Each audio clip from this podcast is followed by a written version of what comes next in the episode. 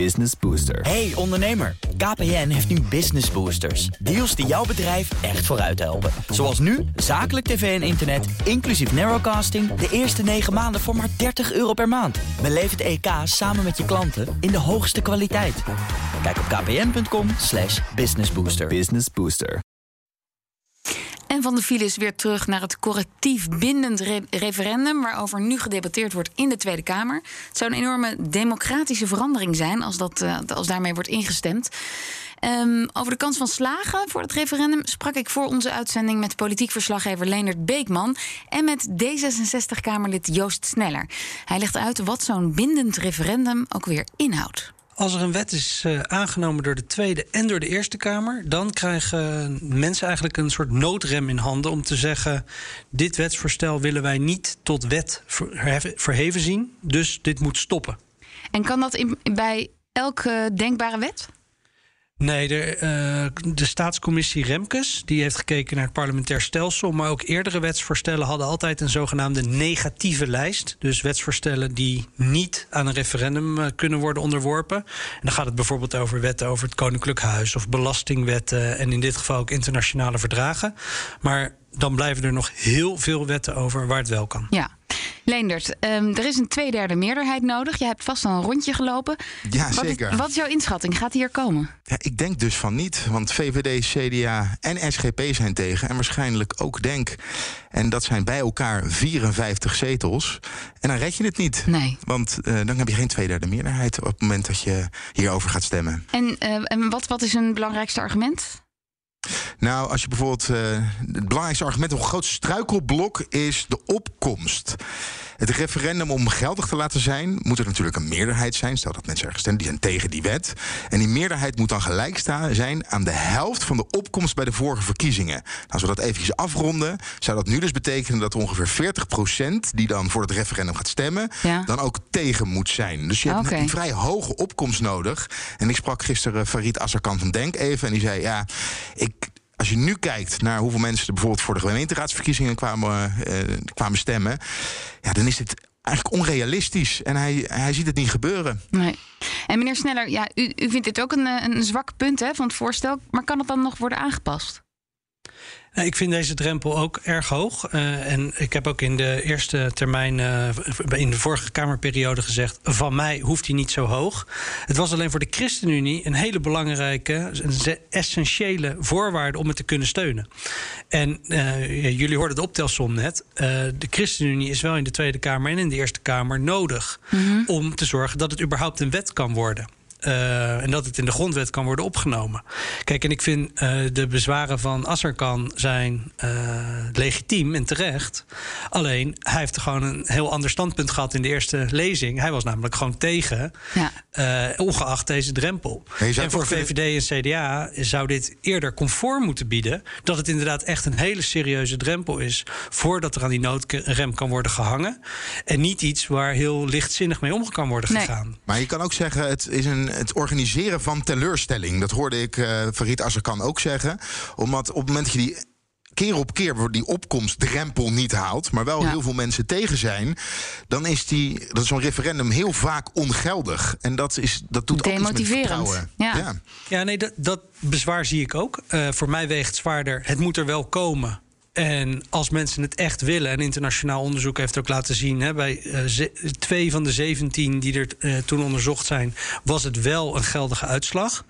En als mensen, hè, vorige keer in Nederland was het niet een bindend referendum, maar was het raadgevend. Terwijl het ook extra motiverend kan zijn voor mensen om te gaan stemmen als je weet, ja, dan is het ook echt een noodrem en dan gaat het ook van tafel. Dan is er geen ruimte meer voor kabinet en Kamer om te zeggen, met een aantal aanpassingen gaan we hetzelfde wetsvoorstel toch voortzetten. Ja. Toch sprak ik nog wel even met CDA. En CDA die zei, ja, het is zo gericht op tegen. En eh, op het moment dat je, dat je met, een- in een, ref- met een referendum bezig bent... zou je ook graag willen dat je iets voor kan doen. En dat, dat zit niet in dit voorstel. Dit is echt Nou ja. een referendum tegen iets. En dat is zo negatief. Kijk, vorige keer eh, bij het raadgevend referendum, bijvoorbeeld over Oekraïne, was er een opkomstdrempel. Die ertoe leidde dat mensen die eigenlijk voor het wetsvoorstel waren, dachten: ja, ik blijf wel thuis. Want dan wordt de opkomst laag. En dan is het geen geldige uitslag. Nee, het was een heel ingewikkelde zit beredenering. Een soort strategisch spelletje. Ja, wat toch iets te veel weerklank vond, eh, wat mij betreft. En waarvan de staatscommissie Remkes ook heeft gezegd: je moet een ander type drempel maken. Namelijk de drempel zoals die net beschreven werd. De uitkomstdrempel, waardoor het voor iedereen van belang is om te gaan stemmen. En Ja. je stem gewoon niet verloren mag gaan. En Ja, maar je Sneller- hebt Met het- alsnog met het verkapte in, je hebt alsnog eens een verkapte opkomstdrempel. Want je moet toch echt wel eh, de helft, hè, de, de- het aantal stemmen tegen, moet minimaal de helft zijn van de vorige opkomst van de Tweede En dat is impliciet natuurlijk gewoon een opkomstdrempel. Maar voor voorstanders van de wet is er geen enkele reden om thuis te blijven. Nee. Terwijl die er met de opkomstdrempel wel was. En kijk, het CDA. Elke keer zijn ze om een andere reden tegen. Dus ik vind het allemaal prachtig. Maar lage drempels, zoals in het initiatiefwetsvoorstel van PvdA GroenLinks eh, D66 vorige keer, stond het niet eens in de grondwet. Maar zeiden we dat moet je bij een uitvoeringswet, zoals dat heet, regelen. Met een gewone tweederde meerderheid. En met een stuk lagere drempels. Toen waren ze tegen in twee lezingen. En nu zijn ze weer tegen. Dus volgens mij eh, speelt er dan ook iets anders. En Ja, moet je daar dan ook eerlijk over zijn als partij. Maar meneer Sneller, ze hebben ook wel een, ander voorstel. Zij zeggen, ja, we moeten die burgerberaden serieus gaan onderzoeken.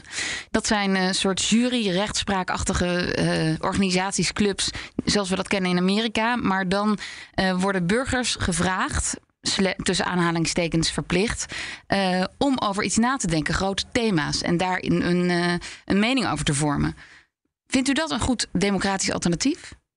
Ik vind dat een goed democratisch idee. Ik heb daar zelf ook een aantal voorstellen voor gedaan. Eh, recent nog over een burgerforum straffen. Het eerste nationale burgerforum in Nederland over het kiesstelsel werd ingesteld door minister Pechtold destijds. Zijn wij groot voorstander van. Het is alleen geen alternatief. Het is een andere manier om men, burgers te betrekken en invloed te geven op besluitvorming, waar ik 100% voor ben. Maar het CDA en andere partijen moeten niet doen alsof dat een alternatief is voor het correctief bindend referendum, zoals ook de staatscommissie Remkes heel duidelijk zegt. Oké, het Dit moet er dus naast zijn. Veel, het moet ernaast zijn. Ja. Het is ook een, aan de andere kant van, het beleids, van de beleidsvorming. Hè. Burgerforum zit helemaal aan de voorkant.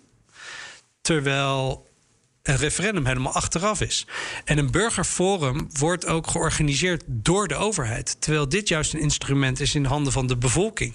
En als het nou van, bijvoorbeeld vanmiddag... in Ierland Ja? is het zelfs gecombineerd. Hè? En er zijn ook hele interessante internationale voorbeelden over hoe je het kan combineren. Bijvoorbeeld over de abortuskwestie in Ierland. Was er eerst een Citizens Assembly die zich over deze vraag eh, boog. En vervolgens zei: daarna komt er een referendum. En bijvoorbeeld in Oregon is, het, eh, is er een burgerforum gecombineerd met een referendum. En dan kan je ook. eh, want wat betekent dan deze uitslag? En wat, wat is dan het Ja. vervolg? Maar iets anders, Dus je hè? kan het heel mooi combineren. Iets anders, los van dit burgerberaad of dit correct- correctieve referendum. Want als we leners moeten geloven, nou, dan gaat dat er niet komen. Of wordt het in ieder geval heel spannend. Hebben jullie nog andere alternatieven? Nou, ik heb eh, voorstellen gedaan voor de gekozen formateur. Eh, zoals ook de staatscommissie Remkes eh, heeft aangeraden. Daar kreeg ik helaas ook... waren 38 zetels, geloof ik, die daarvoor waren. Ik heb vorige periode een initiatiefnota geschreven... over het recht van burgeramendement. Waar VVD en CDA overigens ook tegen waren. eh, om juist ook mensen het, i- amendementen op wetsvoorstellen waar we nog mee bezig zijn in de Tweede Kamer. Dus die nog behandeld moeten worden en waar we nog over moeten stemmen. Om daar concrete suggesties aan te dragen. Gaat u nog eh, collega-Kamerleden overhalen? Nou, ik vond eh Leendert een beetje eh, nou, defetistisch. Eh, het, debat moet nog, het debat moet nog beginnen. En we hebben natuurlijk in het verleden ook gezien met eerdere pogingen, in 1999, eh, dat het heel spannend was tot op de laatste nacht Ja, van het Wiegel. toch- en vind hoewel het- hij met pensioen is, denk ik, ja, we kunnen ook een omgekeerde nacht krijgen. Ja, ik vind het wel mooi dat je dit nog eventjes benoemt hoor, voor de luisteraar. Ik heb dat nog heel bewust meegemaakt. De nacht van Wiegel. Dat was voor mij het moment dat ik me echt. Ik interesseerde me al in politiek, maar dat ik me echt in politiek ben gaan Hoe interesseren. oud was je toen? Eh, Vier. de Nacht van Wiegel is uit. Nee, nee, ik ben al best wel oud, Liesbeth. Eh, die was in 99, toen was ik 17. De Nacht van Wiegel was 99, hè? Ja, was ik 17. Oké. En ik zat echt aan de buis gekluisterd. Dat was het moment. En Iedereen wist dat Hans Wiegel tegen het referendum zou gaan stemmen. En de camera's stonden op hem. En het moment kwam en toch was het spannend. En toen hoorde je Wiegel heel gedecideerd zeggen: tegen. En ja, toen was het gebeurd. Maar dat is wel, dat is dik 20 jaar geleden, Ja, meneer Stenner. ja. Ik kom er net achter dat Leendert en ik even oud zijn. Ja. dat is dik 20 jaar geleden. En D66 heeft ook geprobeerd met de gekozen burgemeester. En nu sneuvelt het referendum. In, in ieder geval zo, uh, dat denk ik. Nu sneuvelt hij weer. Uh, is het nu niet voorbij? Is het de laatste kans voor het referendum? Nee, het is, eh, ik bedoel, het is een hele mooie kans, denk ik, voor het referendum. Maar de, je ziet ook democratische vernieuwing en democratisering gaat met horten en stoten. Ik noemde dit in de fractie ook. Het is een hinkstapsprong met hordes. En ik denk dat het gewoon doorgaat. Omdat je ziet, de Nederlandse bevolking is er hele, hele grote steun. Veel meer dan die tweederde meerderheid. Uh, en het, ook als je internationaal even uitzoomt. Uh, er is een soort strijd tussen democratieën en autocratieën. En wij moeten gewoon, we hebben de plicht en de opdracht om onze eigen democratie in Nederland te vernieuwen, Mhm. te verdiepen, te versterken. En daar zijn dit soort dingen voor nodig. We hebben morgen weer een debat over een nieuwe staatscommissie over de rechtsstaat. Dus er zijn dit soort stappen nodig. En ik ben ook wel optimistisch, want het VV de VVD is hier in het verleden voor geweest en die kan er weer een keer voor zijn. Het CDA was altijd tegen constitutionele toetsing, dus de mogelijkheid geven aan de rechter om onze wetten te toetsen aan de grondwet.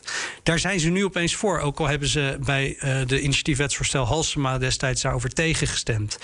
Dus er, er dus waren er ook mogelijk. CDA'ers. Ja, Sibrand uh, Buma was voor de gekozen burgemeester. Uh, er zijn gewoon steeds weer momenten. Josias van Aartsen was hier veel uh, nou, anders in. Johan Remkes uh, heeft hier een heel ander verhaal, ook als VVD'er, voor wat er mogelijk is. Dus ja, ik, ik blijf altijd optimistisch. En ik denk dat, dat wij het ons ook niet kunnen veroorloven om hierna te zeggen, mocht het sneuvelen, wat ik niet hoop en niet denk, dat, dat, dat het daarmee dan was. klaar zou zijn. Ja, dat zei D66-Kamerlid Joost Sneller. En je hoorde ook politiek verslaggever Leendert Beekman. Business Booster. Hey ondernemer, KPN heeft nu Business Boosters. Deals die jouw bedrijf echt vooruit helpen. Zoals nu, zakelijk tv en internet, inclusief narrowcasting... de eerste 9 maanden voor maar 30 euro per maand. Beleef het EK samen met je klanten in de hoogste kwaliteit. Kijk op kpn.com slash businessbooster. Business Booster.